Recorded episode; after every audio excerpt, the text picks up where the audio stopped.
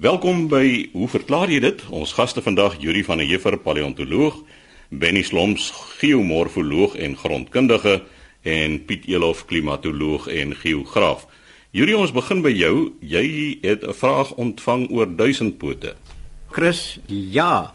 Meneer Hans Binang van eh, Bloemfontein is 'n werknemer van mevrou Phyllis Strydom en hy het opgelet na die onlangse reën wat hulle gehad het dat daar letterlik duisende duisendpote in die omgewing rondloop, die eh, bekende Songololo.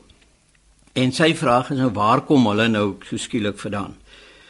Wel, ons duisendpote is natuurlik nie wurms nie. Meeste mense sal aan hulle dink as wurms, maar hulle is nie, hulle is geleedpotige diere. Met ander woorde, hulle behoort tot die groot groep diere bekend as die Arthropoda. En dit sluit nou insekte in, sprinkane, skorpioene, al hierdie diere, maar hulle is nou gesegmenteerde diere waarvan meeste segmente twee paar pote het. En hulle het natuurlik glad nie 1000 pote nie, maar dit wissel so van 34 tot min of meer 400 pote. Daar's een van hierdie Shongololos in die wêreld wat uh, 'n maksimum van 750 pote het, maar ons noem hulle nou maar duisendpoot. Hulle is baie baie ou diere. Hulle bestaan al sedert die Siluur. Nou dis meer as 400 miljoen jaar gelede is hulle al op aarde. En wat hulle doen is hulle eet verrotte plantmateriaal, klam hout en blare. En anderser is wat uh, baie mense glo kan hulle jou nie byt nie. Die monddele is klein en die ou storieetjie dat wanneer 'n songololo jou byt dan lag jy jou dood is ook maar net 'n storie. Nou hulle bly in 'n klam omgewing onder blare, onder klippe, in klam hout. Hulle is alleenlopers en hulle vermy droë plekke en hulle vermy ook sonlig. So daarom sien mense hulle nooit nie, maar wanneer dit nou gereën het en is baie klam, dan kom hulle uit. Waarskynlik vir twee redes. Die een is om moontlike ander blyplek te gaan soek, maar die hoofrede blykbaar is om te paar en 'n paar maat te soek.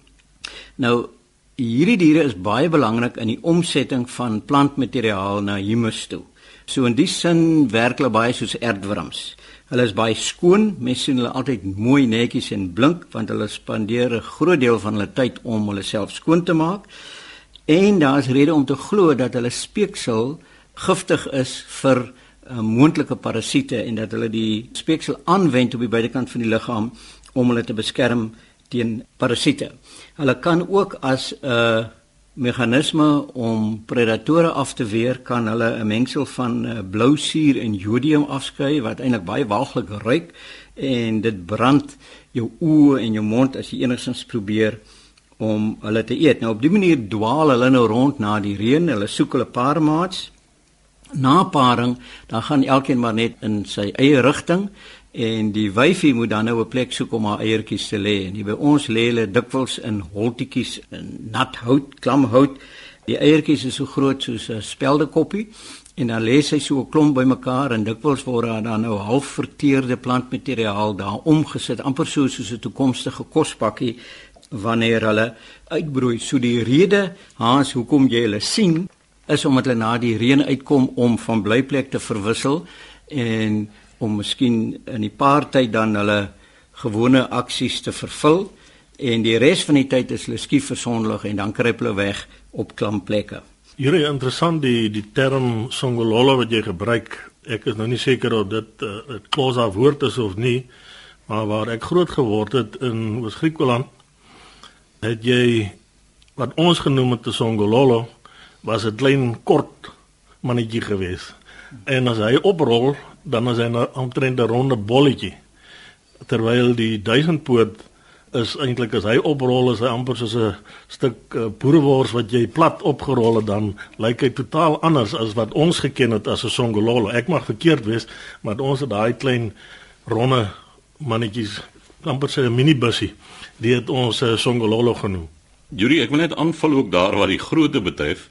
As jy nou hoër op in Afrika beweeg soos in die Caprivi, Angola en so, dan kry jy nou nog al hierdie boereworsmanne waarvan Piet nou gepraat het. Uh, ek dink die term Songololo is 'n uh, algemene term wat uh, waarskynlik gebruik word want dis wat ek in die literatuur raak geloop het. So jy mag wel reg wees dat daar streeks gebruik is. Die Engelse verwys natuurlik na ek vermoed twee verskillende goed as hulle praat van 'n millipede en 'n centipede. Ja, dis die uh, een wat ons nou nie gaan praat het nie, dis die 100 pote en die 1000 pote. En die 1000 pote het nou meer pote en die 100 pote lyk natuurlik heeltemal anderster.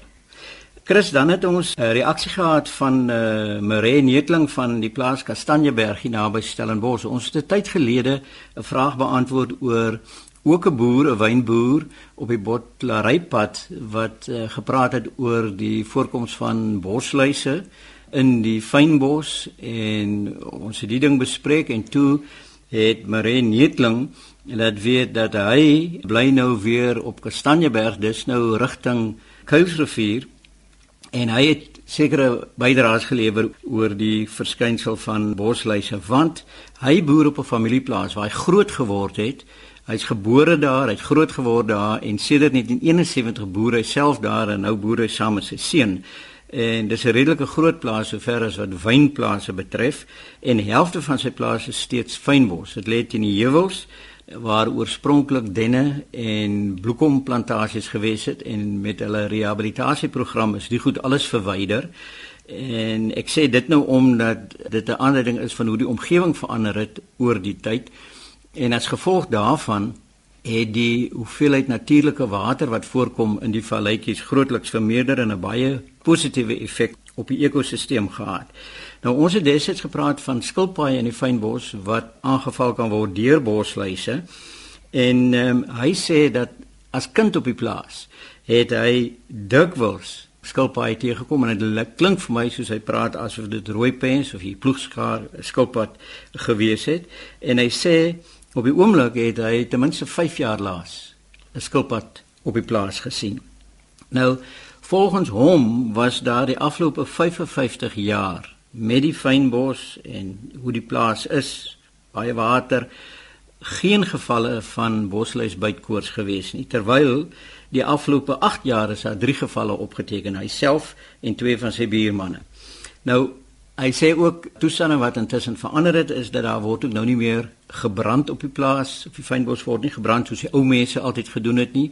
Dit het 'n bietjie verander en hy sê dat wat die natuurlike wild betref het dit ook totaal verander. Die ehm um, grysbokkies en die steenbokkies wat daar was is blykbaar weg. Daar word niks gesien nie alhoewel duikers nou weer op die plaas teenwoordig is. En hy vertel ook van voëlsoorte wat nooit van tevore daar was nie wat nou verskyn het. Ander voëlsoorte het verdwyn en ons ons sien dit in die Stellenbosch omgewing. Ons sal gepraat oor die intrekkery van die van die hadidaas en sekere kiwite lyk nou of hulle minder is. Kolgaanse is nou hier. En ek dink al die goed saam kan waarskynlik 'n invloed hê op die voorkoms van borsluise. Nou noem hy ook sy vriend Johan van der Westhuizen wat in die omgewing boer. En sy waarneming is dat die bosluise konsentreer eintlik op die wandelroetes en die looppaadjies in die fynbos, want dit is daar waar beweging is, waar mense en waar diere verbykom. So dit lyk asof hierdie hele idee van die voorkoms van die bosluise, hoeveel daar is, waar hulle uitbroei, 'n uh, eh, baie meer komplekse saak is as wat ons aanvanklik gedink het. En 'n mens wonder of daar nie dalk iemand is wat werklik hierdie saak wil wetenskaplik ondersoek nie. En so sê Yuri van der Heever, ons paleontoloog, Benny Sloms, jy het 'n vraag ontvang oor krag. Kan 'n mens krag stoor? Dankie Chris. Teen die einde van November hierdie jaar het twee persone my genader en gevra: "Is dit waar dat Eskom krag kan opgaar vir tye wanneer daar 'n groot aanvraag is?" En hierdie vraag het ter sprake gekom tydens die tweede laaste week van November toe die krag op groot skaal gedurende Saterdag en Sondag afgeskakel is. Die argument is dit is tog die tyd van die week wanneer daar die minste aanvraag vir elektrisiteit is. Nou hoekom het ons dan nou beurtkrag gedurende daardie tye? Ek self het gelei onder hierdie beurtkrag want hierdie krag is op Stellenbosch afgeskakel 'n kwartier nadat die Springbokke op die veld gedraf het, die rugbywedstryd daar, asook Sondag toe die plaaslike span die T20 wedstryd begin het. Soos 'n muur is Eskom van my inkopieslys gehaal vir hierdie jaar en kom ons gee 'n bietjie aandag aan die vraag: kan 'n mens elektrisiteit stoor ja of nee? Die antwoord is nie direk nie. Eskom het nie groot batterye wat hy vollaai en dan weer gebruik gedurende piektye nie. Wat hulle wel doen is om in nuuspitstye oortollige elektrisiteit te gebruik om water vanaf 'n laer liggende gebied te pomp na 'n hoër liggende dam en dan wanneer daar weer 'n aanvraag is, 'n ooraanvraag is vir elektrisiteit, dan word daar met dieselfde stelsel water weer losgelaat deur dieselfde stelsel en jou elektriese motors word omgeskakel na generators. En die belangrikste een wat ons hier in Suid-Afrika het, is die Tugela val skema. Die Tugela is 'n groot bron eerstens vir water in Gauteng, maar tweedens word die Tugela se water ook gebruik om elektrisiteit op te werk. Dit werk as volg: Water word gewoonlik in nuuspitstyd, dit is gedurende die nag, word opgepomp na die Sterkfontein dam. Nou water word gepomp teen 'n koers van 20 kubieke meter per sekonde. Dit is 'n klomp water en dit word gepomp 530 meter daarteen die eskarp uit. Nou in spitstye dan word water uit die Sterkfontein dam weer losgelaat en dit vloei in dieselfde pipe deur dieselfde pompe weer terug onder na die Tugela. So die verandering in rigting van die pomp verander dan die elektriese motor in 'n generator en so kan onmiddellik nadat daardie skakelaar aangesit is om hierdie proses in werking te stel word daar 1000 megawatt krag opgewek. Ons het 'n soortgelyke stelsel hierso in die Wes-Kaap, die sogenaamde Palmiet skema waar water vanuit die Palmiet dam opgepomp word na 'n hoër liggende dam, die Rocklands dam en dan in spitstye weer teruggelaat word. Maar dit is net so oor die 400 megawatt wat daar opgewek word.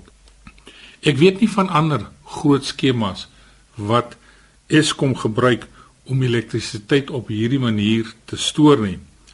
Die vraag is natuurlik hierdie 1.500 megawatt wat 'n mens gebruik om water op te pomp as albei skemas werk. Dis nie baie nie. Is dit werklik nodig om beurtkrag oor naweke te regverdig om nou hierdie addisionele kapasiteit te bekom van elektrisiteit? Ek vermoed daar's baie ander probleme waarmee Eskom sit. Hulle speel nie altyd oop kaarte nie. In elke slag is daar 'n ander rede wat aangegee word. Nou um, ons het wel 'n klompie hidroelektriese skemas ook in Suid-Afrika en dit is by ons groot damme soos die Gariepdam en nou onder by die Van der Kloofdam waar water losgelaat word vanaf hierdie twee damme dit hardloop deur turbines en dit gee vir ons ook hidroelektrisiteit wat bykomende hoeveelheid in die sentrale netwerk instort. Ons moet net onthou dat hierdie groot steenkoolkragsentrale as hulle op spoed is wanneer hy nou werk en dit vat nog 'n lang ruk vir hom om sy optimum kapasiteit te bereik. Dan verskaf so 'n kragsentrale 'n konstante hoeveelheid elektrisiteit. Jy kan nie hom bietjie minder laat produseer en meer laat produseer hy produseer voluit 'n sekere hoeveelheid elektrisiteit. En dis van daardie elektrisiteit wat oortollig is gedurende nuuspitstye wat ons dan gebruik om water te pomp om vir ons daai kapasiteit te gee om vinnig weer addisionele elektrisiteit in die netwerk te kan insit. Binne mens sien al hoe meer van hierdie sonpaneelplase wat uh, ontwikkel in die land. Aan die kant Touwsrivier weet ek is onlangs en daar opgerig en ook elders. Watter impak sal dit hê op die hoeveelheid elektrisiteit? Gaan dit net op plaaslike vlak iets beteken of kan daar genoeg opgewek word dat dit ook in die nasionale netwerk betekenisvol sal wees? Pietari sonpanele waarvan jy praat is een van die hernubare maniere waarop ons elektrisiteit kan opwerk. Die ander een is natuurlik windturbines. Nou die regering het 3,7 duisend megawatt se addisionele bronne half goedgekeur waarvoor lisensies toegestaan gaan word. Maar jy moet daardie 3,7 duisend megawatt moet jy sien teen 'n totale verbruik. Ek weet nie wat die syfers is, maar kom ons sê dit is 35000 megawatt wat ons nodig het hier gedurende spitstyd. Ja, dit sal help. Dit is nog te min. Een van die groot hartseer stories natuurlik in Suid-Afrika was dat ons splinte nuwe steenkoolkragsentrale daarbo in Mpumalanga 4 jaar agter is met voltooiing as gevolg van stakings deur vakbonde, loongeskille, kontrakteurs wat nie goeie werk gedoen het nie. Ag, die lys is lank. Maar 'n land soos Suid-Afrika kan nie bekostig dat sy grootste kragsentrale wat onder konstruksie is, 4 jaar lank vertraag moet word nie. Hy is nou nog nie in werking nie. Hy is so aanvanklik Desember sou hulle begin het om krag te lewer daar, maar lyk my daardie datum is ook uitgestel. Benny, jy het nou gesê jy het Eskom van jou inkopieslysie geskraap. Wat gaan jy nou doen? Ek gaan vir daardie organisasies wat wel kan bring 'n groter Kersgeskenk koop. en so gesels Benny Sloms, ons geomorfoloog en grondkundige. Die volgende vraag is gerig aan Piet Elof, klimatoloog en Piet 'n luisteraar wil weet hoe gebeur dit dat die son in Desember presies op die sarkofaag in die Voortrekker Monument daar naby Pretoria skyn. Ja, ek het 'n brief ontvang van Joey Harof en sy skryf soos volg. Sy sê ons luister gereeld Sondagoggende na julle interessante program oor verskeie onderwerpe. 11:30. Uh, ons wonder nou net hoe dit moontlik is dat die son elke Desember om 12:00 op die sarkofaag in die Voortrekker Monument skyn aangesien daar verskywing van die aarde om sy as voorkom. Is al die liggame in die hemel dan so stabiel? Nou Joey, net eers een of twee opmerkings hier. Mense verwys dink ek verkeerdelik na die sarkofaag. Uh, 'n Sarkofaag bevat gewoonlik 'n menslike oorskot. So dit ook maar in die antieke tye was wat hulle ek wil amper sê kuste gekap het uit klip uit en uh, daar's ook daarna verwys as 'n uh, vleisvreter omdat uh, die liggame daaraan geplaas is natuurlik dan nou op die ou end disintegreer. 'n Cenotaaf beteken 'n leë graf of 'n dode monument. En sover ek kon vasstel is daar nie menslike oorskot in die 34,5 by 34,5 granietblok in die voortrekker monument nie. Die senetaaf wat ek dan vermoed dit is, dit simboliseer en gedenk net al die voortrekkers wat tydens die groot trek tussen 1835 en 1854 gesterf het. Nou die monument is natuurlik so beplan dat 'n koepeldak die sonstrale deurlaat let wel op 16 Desember, dis nie die hele Desember op 16 Desember presies om 12 uur val daardie sonstrale dan op die senotaaf spesifiek op die woorde ons vir jou Suid-Afrika. Nou uh, dis eintlik 16 Desember weet ons is gelofte dag. Vandag staan dit nou bekend as versoeningsdag. So dis 12 uur 16 Desember. Nou dit ek moet vir jou sê en erken dat uh, dit is nogal goeie beplanning. Dit het goeie beplanning geverf. Nou terug te keer na jou vraag toe. Ek dink die teiken 34 en 'n half by 34 en 'n half meter is is redelik groot wat getref moet word. Die verandering van die skynstand van die aardas vind natuurlik baie stadig plaas. En dis sal die hoek waarmee die sonstrale die aarde tref ook lank feitelik dieselfde bly. Nou as ons praat van die verandering van die skynstand van die aarde, as ons het by 'n vorige program het ons gesels oor die verskillende bewegings wat die aarde uitvoer en een daarvan was 'n tipe van 'n kantelbeweging soos 'n tol, die skynsheid van die aardas.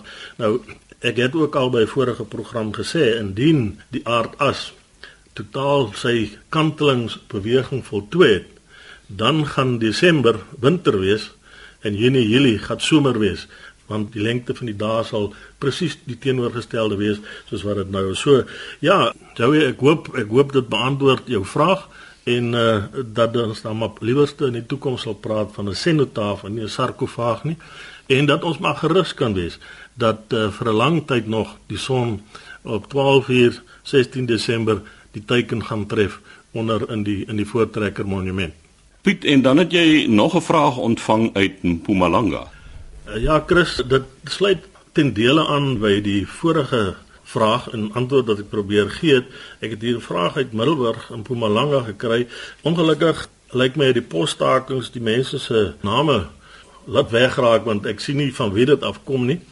Maar die persoon sê baie dankie vir leersame program. Ek wil vra hoe is dit dan dat die dae nou langer en korter word nadat die aarde gedraai het?